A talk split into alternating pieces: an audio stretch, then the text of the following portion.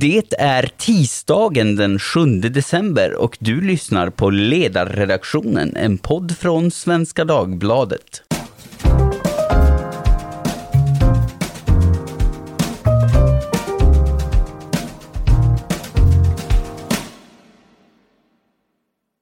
Jag heter Jesper Sandström och idag ska vi prata techbolag som driver stora plattformar online.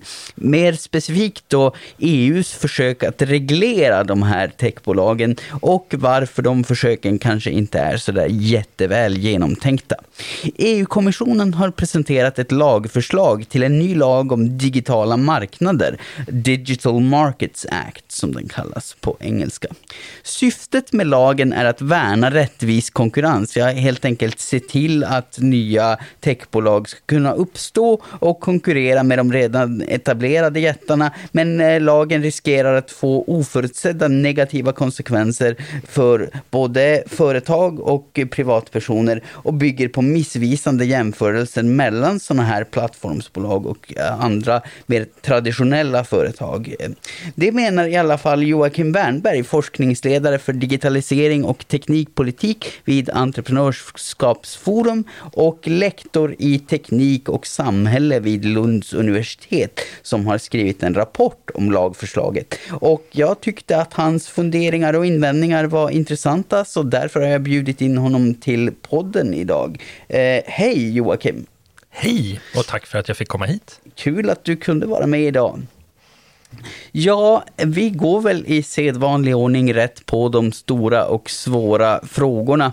Om vi utgår ifrån att våra lyssnare, de flesta av dem i alla fall, kanske inte är superinsatta i EUs försök att reglera så kallade plattformsbolag. Kan du ge en liten bakgrund? Vad är lagen om digitala marknader tänkt att vara för någonting? Eh, ja, det är ju den lilla frågan. -hmm. om, man, om man ska närma sig det eh, på enklast möjliga vis så handlar det här om att uppdatera EUs lagstiftning för den de säger den digitala marknaden, men låt oss säga den inre marknaden, för att det digitala påverkar ju allting i ekonomin idag.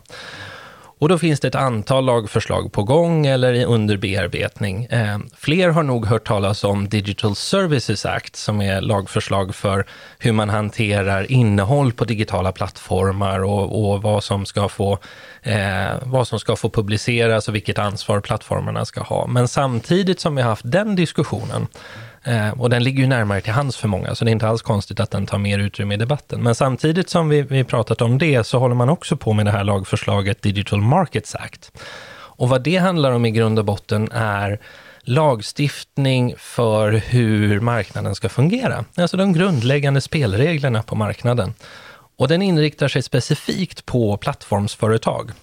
Mm. Eh, den är lite märkligt uppbyggd på det sättet. Den har, den har två syften, ska man säga. Det första syftet är, är ganska rättframt och funkar bra, vill jag ändå påstå. Eh, det är att man vill hindra nationell lagstiftning som leder till ytterligare fragmentering på den inre marknaden. Det har funnits tendenser till det här, bland annat i Frankrike, där man vill reglera plattformsföretag på, på egen hand. Och det, det har funnits en politisk opinion i flera medlemsländer för det. Och då är det bra att ha ambitionen att undvika det, så att vi får vi slipper få ytterligare regulatoriskt lapptäcke eh, när det gäller digitala tjänster. Det andra syftet är att främja, som man säger, rättvis konkurrens. Det är lite otydligt vad rättvis är, men rättvis konkurrens och konkurrensutsättning av de här plattformsmarknaderna. Och här kommer vi då till punkten att lagen som sån är inte uppbyggd för att sätta regler för alla. Utan den här lagen är uppbyggd på någonting man kallar grindvaktsinstrumentet. Så man har ett antal kriterier och om ett företag uppfyller de kriterierna så anses man vara en grindvakt till marknaden för en massa andra användare och företag. Och då eh, ska man beläggas med ytterligare regleringskrav, ytterligare krav genom reglering eh, på hur man ska agera och vad man får göra. Eh, och dessutom så skiljer den sig från den befintliga konkurrenslagstiftningen därför att det är så kallad ex ante-lagstiftning. Alltså den, den reglerar i förväg för att hindra skador som skulle kunna uppkomma, mm. istället för att, att reglera ex post. Mm. Eh, utifrån vi, något som har hänt. Vi ska komma in lite, lite mer i detalj på det, ja, ex lagstiftning och vad det kan få för konsekvenser. Men vilka bolag är det då som är sådana här grindvaktsbolag? Vilka är det som är tänkta att omfattas av lagstiftningen? Det här har varierat lite sedan förslaget kom. Man har ett antal kvantitativa kriterier på omsättning och, och ja, ekonomiska variabler. Och de är satta så att det ska bara vara de absolut största företagen som ska omfattas. En, en, eh, en, eh, en effekt av det här eh, är att det huvudsakligen är utomeuropeiska företag eh, och amerikanska plattformsföretag. Alltså tänk Google, Amazon, Facebook, Microsoft, eh, Apple ja, GAFAM, eh, som de kallas eh, mm. lite, lite slentrianmässigt i debatten. Det är i huvudsak mm. de som påverkas. Och det där är en ganska intressant distinktion. Dels därför att eh, man stiftar då en lag där incitamenten skulle kunna bli skeva därför att det inte är europeiska företag som påverkas. Men de här framförallt amerikanska företagen har ju en enorm effekt på den europeiska ekonomin genom de många europeiska företag och, och eh, konsumenter som använder dem. Mm. Eh, och så riskerar man ju i längden att påverka den, i relationen mellan EU och USA. Eh, med risk för, för eh, betydligt kyligare. Relation framöver. Mm, precis, vi ska, vi ska bena lite i potentiella konsekvenser. Men alltså, finns det något fog för att införa den här typen av lagstiftning? Finns det en risk att, att de här stora grindvaktsbolagen faktiskt skulle kunna utnyttja sin storlek till att skaffa sig en monopolställning och hindra konkurrens från andra företag? Det finns skäl att uppdatera lagstiftningen, men det finns, det finns ett par aspekter här som jag tycker att man har stressat förbi alldeles för snabbt. En av dem är att eh, det argument man har för att, att eh, eh, level the playing field, för att få en jämn spelplan för alla, så måste man reglera de stora företagen. Det antagandet bygger på observationen att vi har ett fåtal väldigt stora plattformsföretag eh, som, som då också hänger ihop med en väldigt skev marknadskoncentration. Det här tar man som en observation på att konkurrensen inte fungerar och att det finns någon typ av eh, konkurrensmotverkande beteende på marknaden som leder till den här, slarvigt uttryckt säger man att man har en monopolställning. Men faktum är att om man tittar på forskningen om, och det är där, där jag närmar mig det här, eh, om man tittar på forskningen om plattformar, eh, flersidiga plattformsekonomier, som, som eh, ekonomerna skulle kalla dem, så är de väsentligt annorlunda än ett företag som säljer en produkt eller tjänst. De, eh, deras huvudsakliga affärsnytta är att skapa matchmaking på marknaden. De, de, en, de, skapar en marknad, eller de expanderar en marknad genom att matcha ihop två eller flera grupper med varandra som annars, hade, annars skulle haft svårare att hitta varandra. Så man, man sänker transaktionskostnaderna, som man skulle säga. Och man kan göra det ytterligare lite svårare att säga att utan sådana här plattformar så skulle vi inte kunna dra nytta av digitaliseringens potential. Därför att när vi säger, när vi på 90-talet sa att nu har vi internet och alla, alla börjar skaffa sig datorer, så nu kan vi nå vilken eh, person eller vilken information vi vill med en knapptryckning. Det är ju helt enkelt inte sant, därför att när mängden information går mot oändligheten, så utbudet ökar lavinartat i vad du skulle kunna hitta på internet. Då ökar ju också kostnaden för att hitta rätt matchning. Mm. Så att det här med en knapptryckning, det är plattformarna som gör det möjligt. Och när de konkurrerar med varandra, då är nyttan för oss att ha de stora, att, att det blir ett fåtal stora spelare, det är nytta för oss som konsumenter och för konkurrensen. Precis, det, det, är liksom en, en naturlig konsekvens av vad vi använder de här plattformarna till. Att de blir stora, för om de inte vore så stora så hade vi haft mindre nytta av dem. Är det en vettig sammanfattning? Ja, om man, om man säger så här, om vi tar traditionell eh, konkurrensanalys, man tittar på en annan marknad, vi tittar på jag har eh, av någon besynnerlig anledning landat i att använda järnhandlar som ett exempel, men jag tänkte att det var långt ifrån digitala plattformar. Eh, om du har en järnhandel i en medelstor stad och så öppnar jag ytterligare en järnhandel där, mm. då säger då konkurrensteori att eh, det här kommer pressa priset på spik och skapa, leda till ytter, ytterligare konsumentnytta. Kom ihåg att vi vill inte, det finns inget egensyfte i konkurrens. Vi vill att konkurrens ska leda till innovation, konsumentnytta eller välståndsskapande på något sätt. Eh, men då räknar vi med att, att priset på spik eh, ska pressas ner. Men om vi har en, en stor plattform, säg för bokhandel eller för, för att sälja spik, eh, en digital plattform i EU, och så gör vi så genom reglering att vi klipper den här plattformen i två jämnstora. Effekten då för konkurrensen i försäljning av spik, är att vi försämrar den konkurrensen eftersom vi skapar ett koordinationsproblem mellan två marknadsplattformar. Vi försämrar konkurrensen på respektive plattform.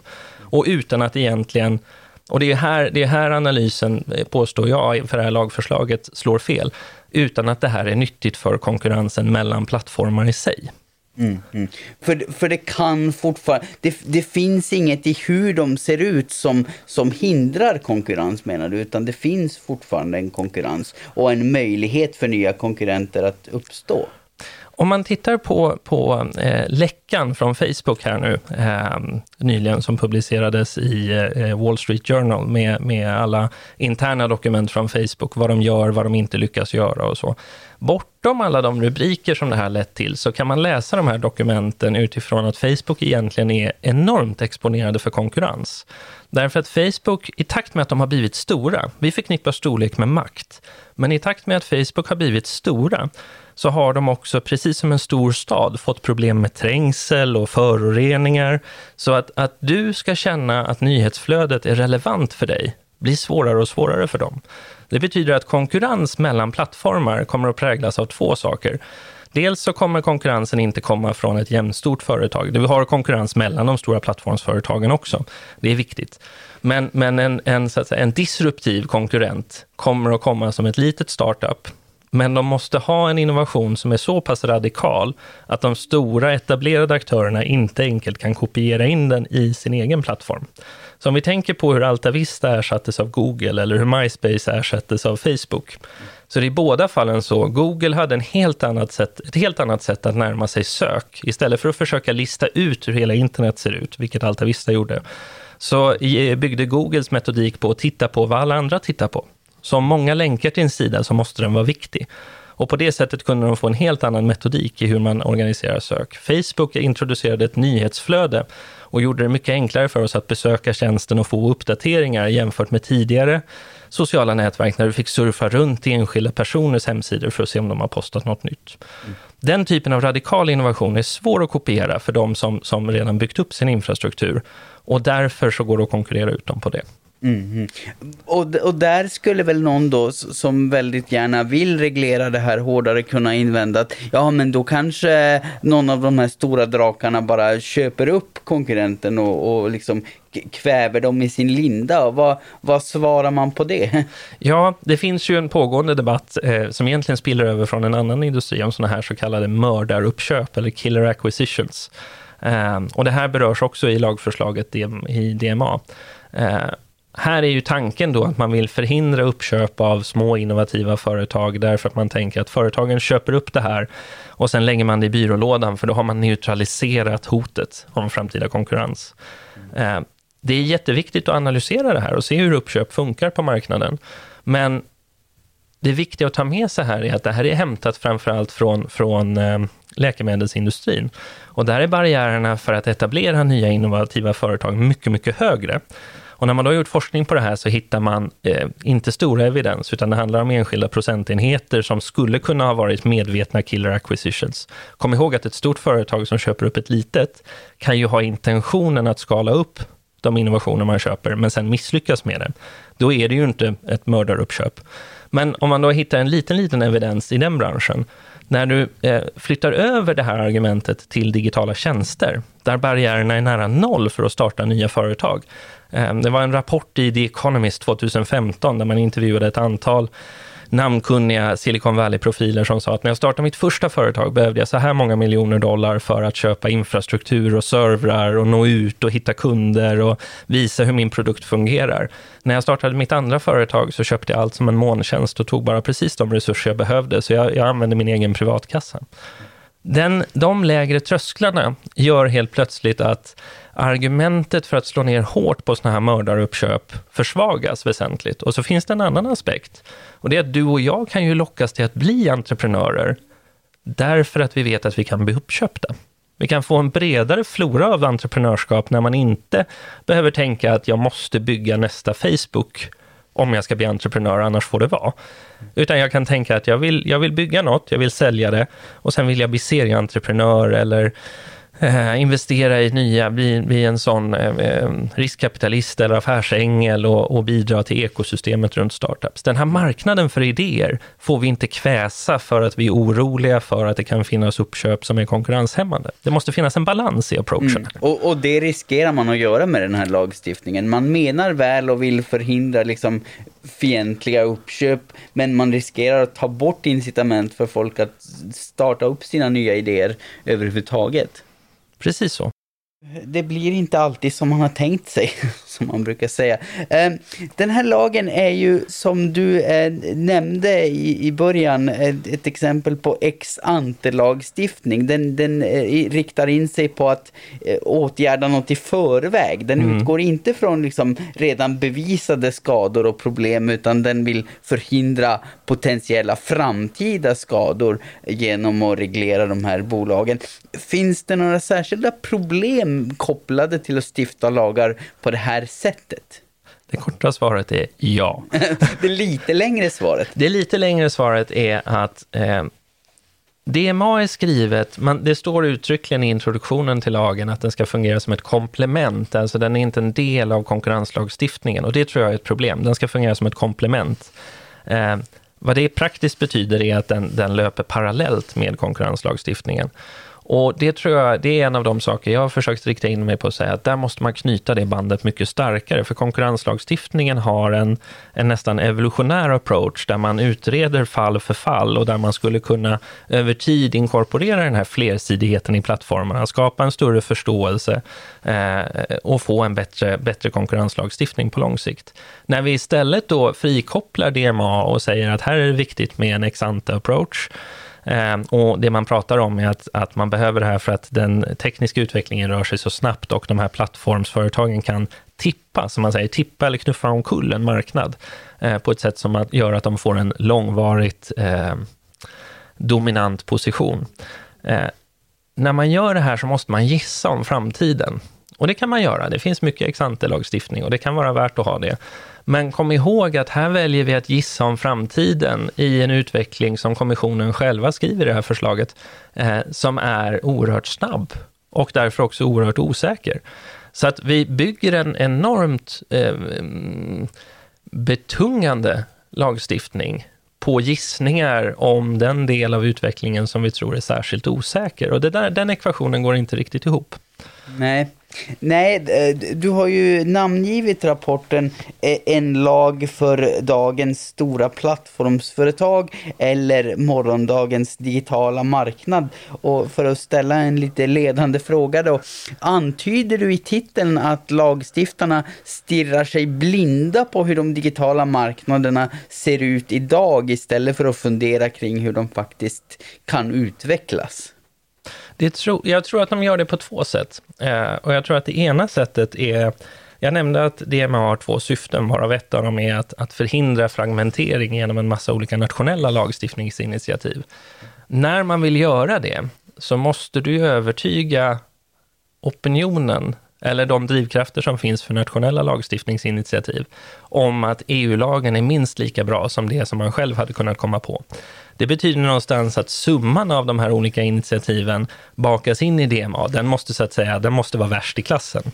Eh, den, det incitamentet oroar mig enormt mycket, för jag, jag, jag, tror att det leder till att man hänger upp sig på att visa, visa att man kan ta i med hårdhandskar mot de stora teknikjättarna, för man vet att det finns en opinion att hämta, hämta hem här. Man vill liksom få med alla nationella politiker som visar, vill visa musklerna mot techbolagen och göra dem nöjda? Eller? Absolut. Antingen, antingen eh, direkt eller indirekt så är ju det här en bidragande faktor, och eftersom man säger att, att man vill föregå de här nationella lagstiftningsinitiativen. Eh, det andra är att jag tror att man stirrar sig blind på tanken på att vi borde ha ett europeiskt Google, ett europeiskt Facebook och ett europeiskt Amazon. Och det tror jag är ett felslut. Jag tror att, att, eller jag vet, vi kan titta ekonomiskt på att Europa har tjänat enormt på, på effekterna av och närvaron av de amerikanska plattformsföretagen. Eh, att tro att vi ska ha eh, europeiska motsvarigheter till dem, där, där har jag fortfarande inte sett ett övertygande argument för vad de ska göra. Men, men samtidigt som vi fokuserar på det här, som är någonstans det är ju den förra, eh, den förra striden, eller den gårdagens strid om entreprenörskap och innovation. Istället skulle man fokusera på hur kommer framtidens plattformsföretag att se ut? Vad, vad kommer att karaktärisera dem? Och tittar man här så det finns ju, det finns ju två effekter som DMA har som inte har med de stora plattformsföretagen att göra. Det ena är de små och medelstora företag som använder de här plattformarna.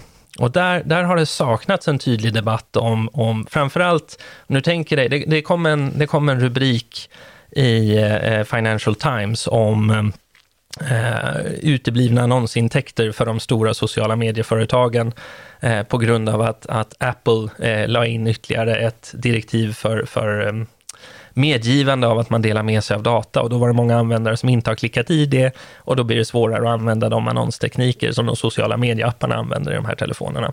Och då kom det en rubrik om de stora uteblivna annonsintäkterna när färre annonserar här. Eh, och det är en rimlig analys, men det är bara första stegets analys. Andra steget i den här analysen är hur ser de uteblivna intäkterna som de annonserna skulle ha lett till ut? Och vem är det det drabbar? Ja, det är små och medelstora företag. Mm. Det är i huvudsak de som använder stora företag också. Men små och medelstora företag som inte har resurserna för att alternativt nå ut lika långt för att komma åt och hitta nya kunder. Den andra aspekten som den här lagen slår mot, men som man inte pratar så mycket om, det är framtidens plattformsföretag. Om vi här cementerar hur ett plattformsföretag ser ut med lagstiftning, om vi utgår från Google, Facebook och Amazon, då har vi ju effektivt byggt en, en, en regulatorisk barriär eller vallgrav som alla andra måste klättra över innan man får konkurrera med de stora företagen. Och vi har cementerat att det är de som är, är standarden för hur sådana här företag ser ut. Samtidigt som lagen omgärdas av en del osäkerhet. Man använder till exempel så kallade delegerade akter för att kommissionen, man ska, inte behöva stift, man ska inte behöva göra om lagen, utan kommissionen ska genom en utredning kunna förändra kriterierna för att vara en grindvakt och så lite grann. Det är lite löst i kanterna, skulle man kunna säga. Det lägger ju då till till den här vallgraven en osäkerhet som gör att ett framtida plattformsföretag dels måste leva upp till samma krav som ställs på de här stora företagen för att, att överhuvudtaget få vara med och konkurrera. Växer man sig så stor så måste man på förhand ha förberett alla de resurser som krävs för, för regelefterlevnad och det blir ju ganska mycket. Det är mycket enklare för de stora företagen för de har en armé av advokater. Precis, det, det, blir, det blir då en marknad för de som har en massa advokater och, och kan lägga mycket tid och resurser på att anpassa sig till ny lagstiftning och, och kanske i sig då hämmar konkurrensen och möjligheten för små aktörer att slå sig in. Det finns en väsentlig risk för det och även här skulle vi kunna titta på läkemedelsindustrin som, som en jämförelse jämförelse. Där har vi otroliga regelkrav på hur man introducerar nya mediciner på marknaden.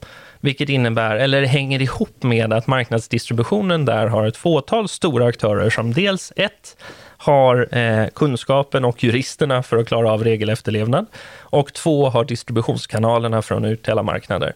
Eh, på andra sidan av marknaden har du alla små innovativa företag. Många av dem verkar inte ens försöka växa, utan istället så licensierar de eller säljer sina innovationer till de stora. Här har du ju fått den, den samma marknadsdistribution som jag beskrev för plattformsföretag, men istället för att det sker genom marknadskrafter som är dynamiska och som kan skifta över tid, så har du fått den här distributionen på grund av reglering.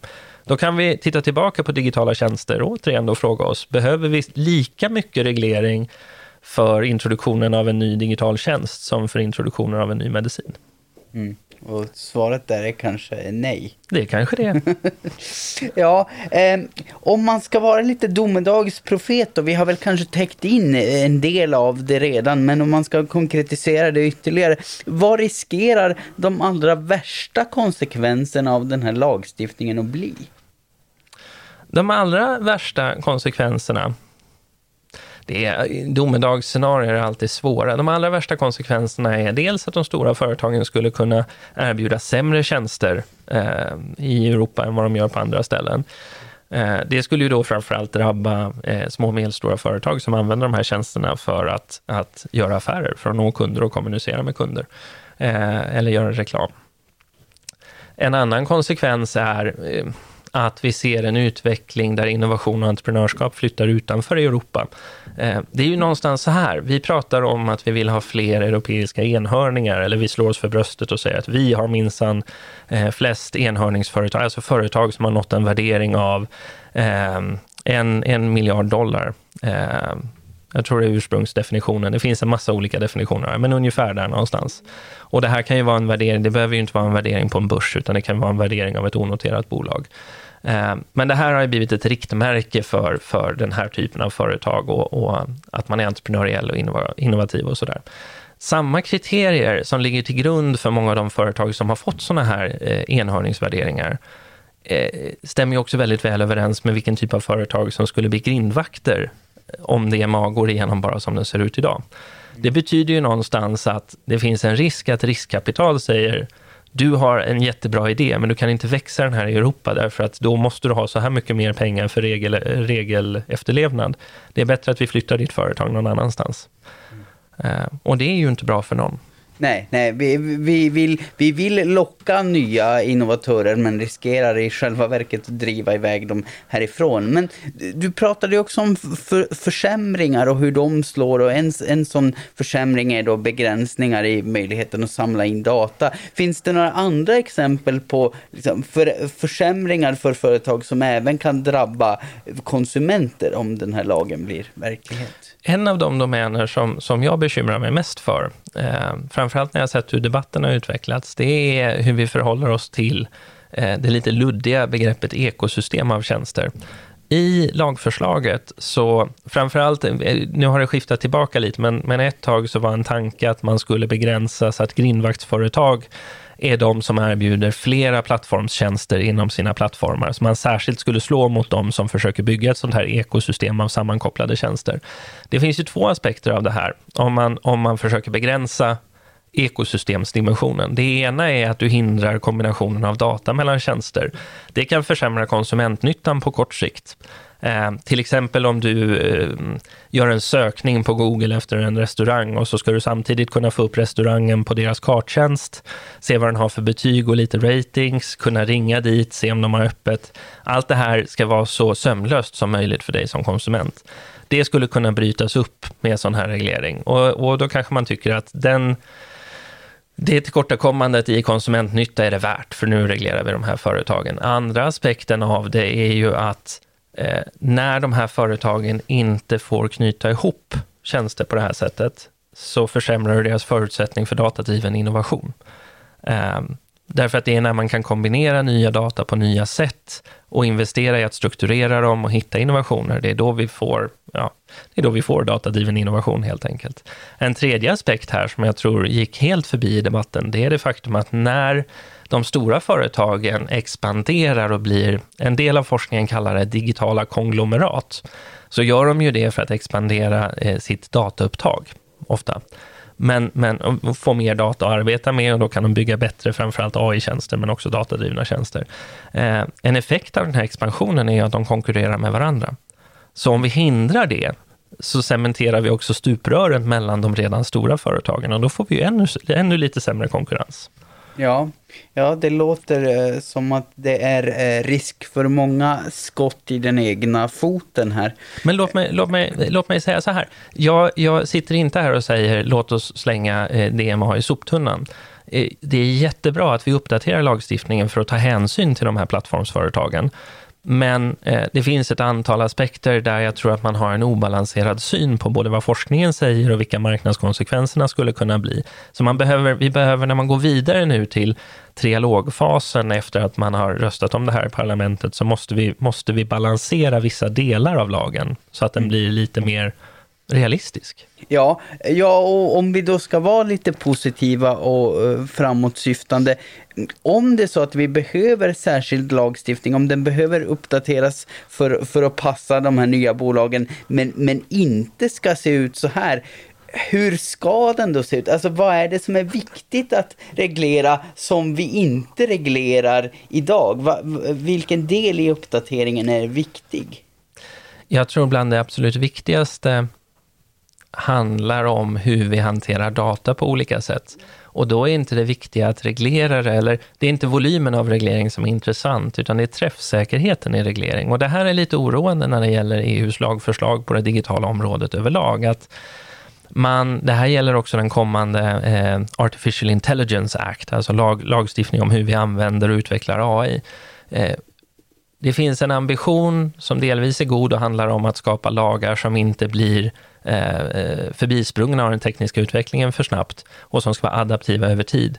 Men, men en konsekvens av det är att man, man tar ett så brett grepp och man är så diffus.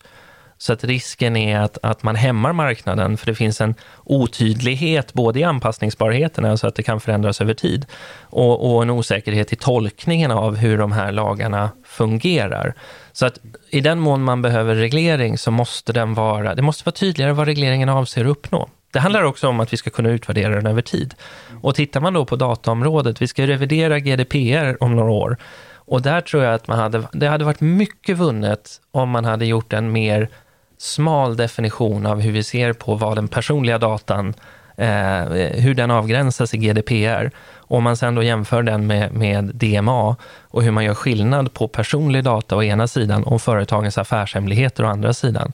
Så att företag vågar investera i datadriven innovation eh, och vet att, att den investeringen inte leder till en lagöverträdelse eller att de måste ge ifrån sig datan på något sätt. Och individer, användare och företag känner sig säkra i vad avgränsningen är i deras relation till de här plattformarna och hur man hanterar, hanterar eh, eh, data. Och här handlar det också om att vi ska ha en översättning till omvärlden, för vi kan inte hitta på lagstiftning som inte, som inte är översättningsbar till den amerikanska marknaden eller i den bästa av världar till resten av världen också. Eh, för då blir vi ju en silo.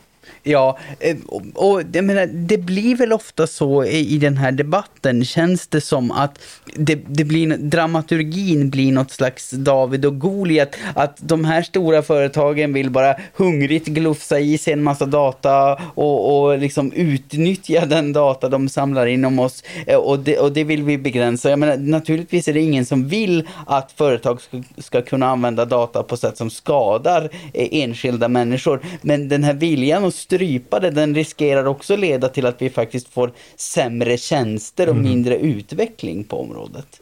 Ja, och här behövs ju avgränsningen. Har vi en tydlig avgränsning, om vi, om vi förenklar här nu. I DMA så säger man att, att du som eh, privatperson eller ett företag som använder plattformstjänster ska ha rätt att få ut vissa data om eh, eh, den data som genereras av hur du agerar på plattformen. Så utöver den data du postar, om du postar en bild på Facebook, så ska du ha rätt att plocka ut den. Men du ska också ha rätt att plocka ut vissa data om ditt agerande. Där någonstans måste vi komma till en gräns där man säger, vad är skillnaden på datan om ditt agerande och den strukturerade data som företagen tar fram för att lista ut mönster i ditt agerande som gör att de kan erbjuda dig bättre annonser eller nya tjänster eller bättre nyhetsflöde. Den gränsdragningen skulle behöva bli mycket, mycket tydligare. Sen, sen ska man också komma ihåg, du frågar vad behöver vi för reglering för de här företagen? De här företagen är inte oreglerade idag. De omfattas ju av den befintliga konkurrenslagstiftningen. Så det första vi skulle göra, och det finns flera, framförallt inom, inom juridiken finns det flera forskare som har skrivit att de möjligheterna är långt ifrån uttömda. Och vi har ju sett stora böter tilldömas den här typen av företag flera gånger. Så vad vi skulle behöva är ju att utveckla den lagstiftningen, inte hitta på hjulet en gång till. Nej, nej. Ja, eh, vi får väl hoppas på lite sans och reson i den eh, debatten. Men med de orden så får jag säga tack så mycket till dig, Joakim Wernberg, forskningsledare för digitalisering och teknikpolitik vid Entreprenörskapsforum och lektor i teknik och samhälle vid Lunds universitet. Tack! Tack!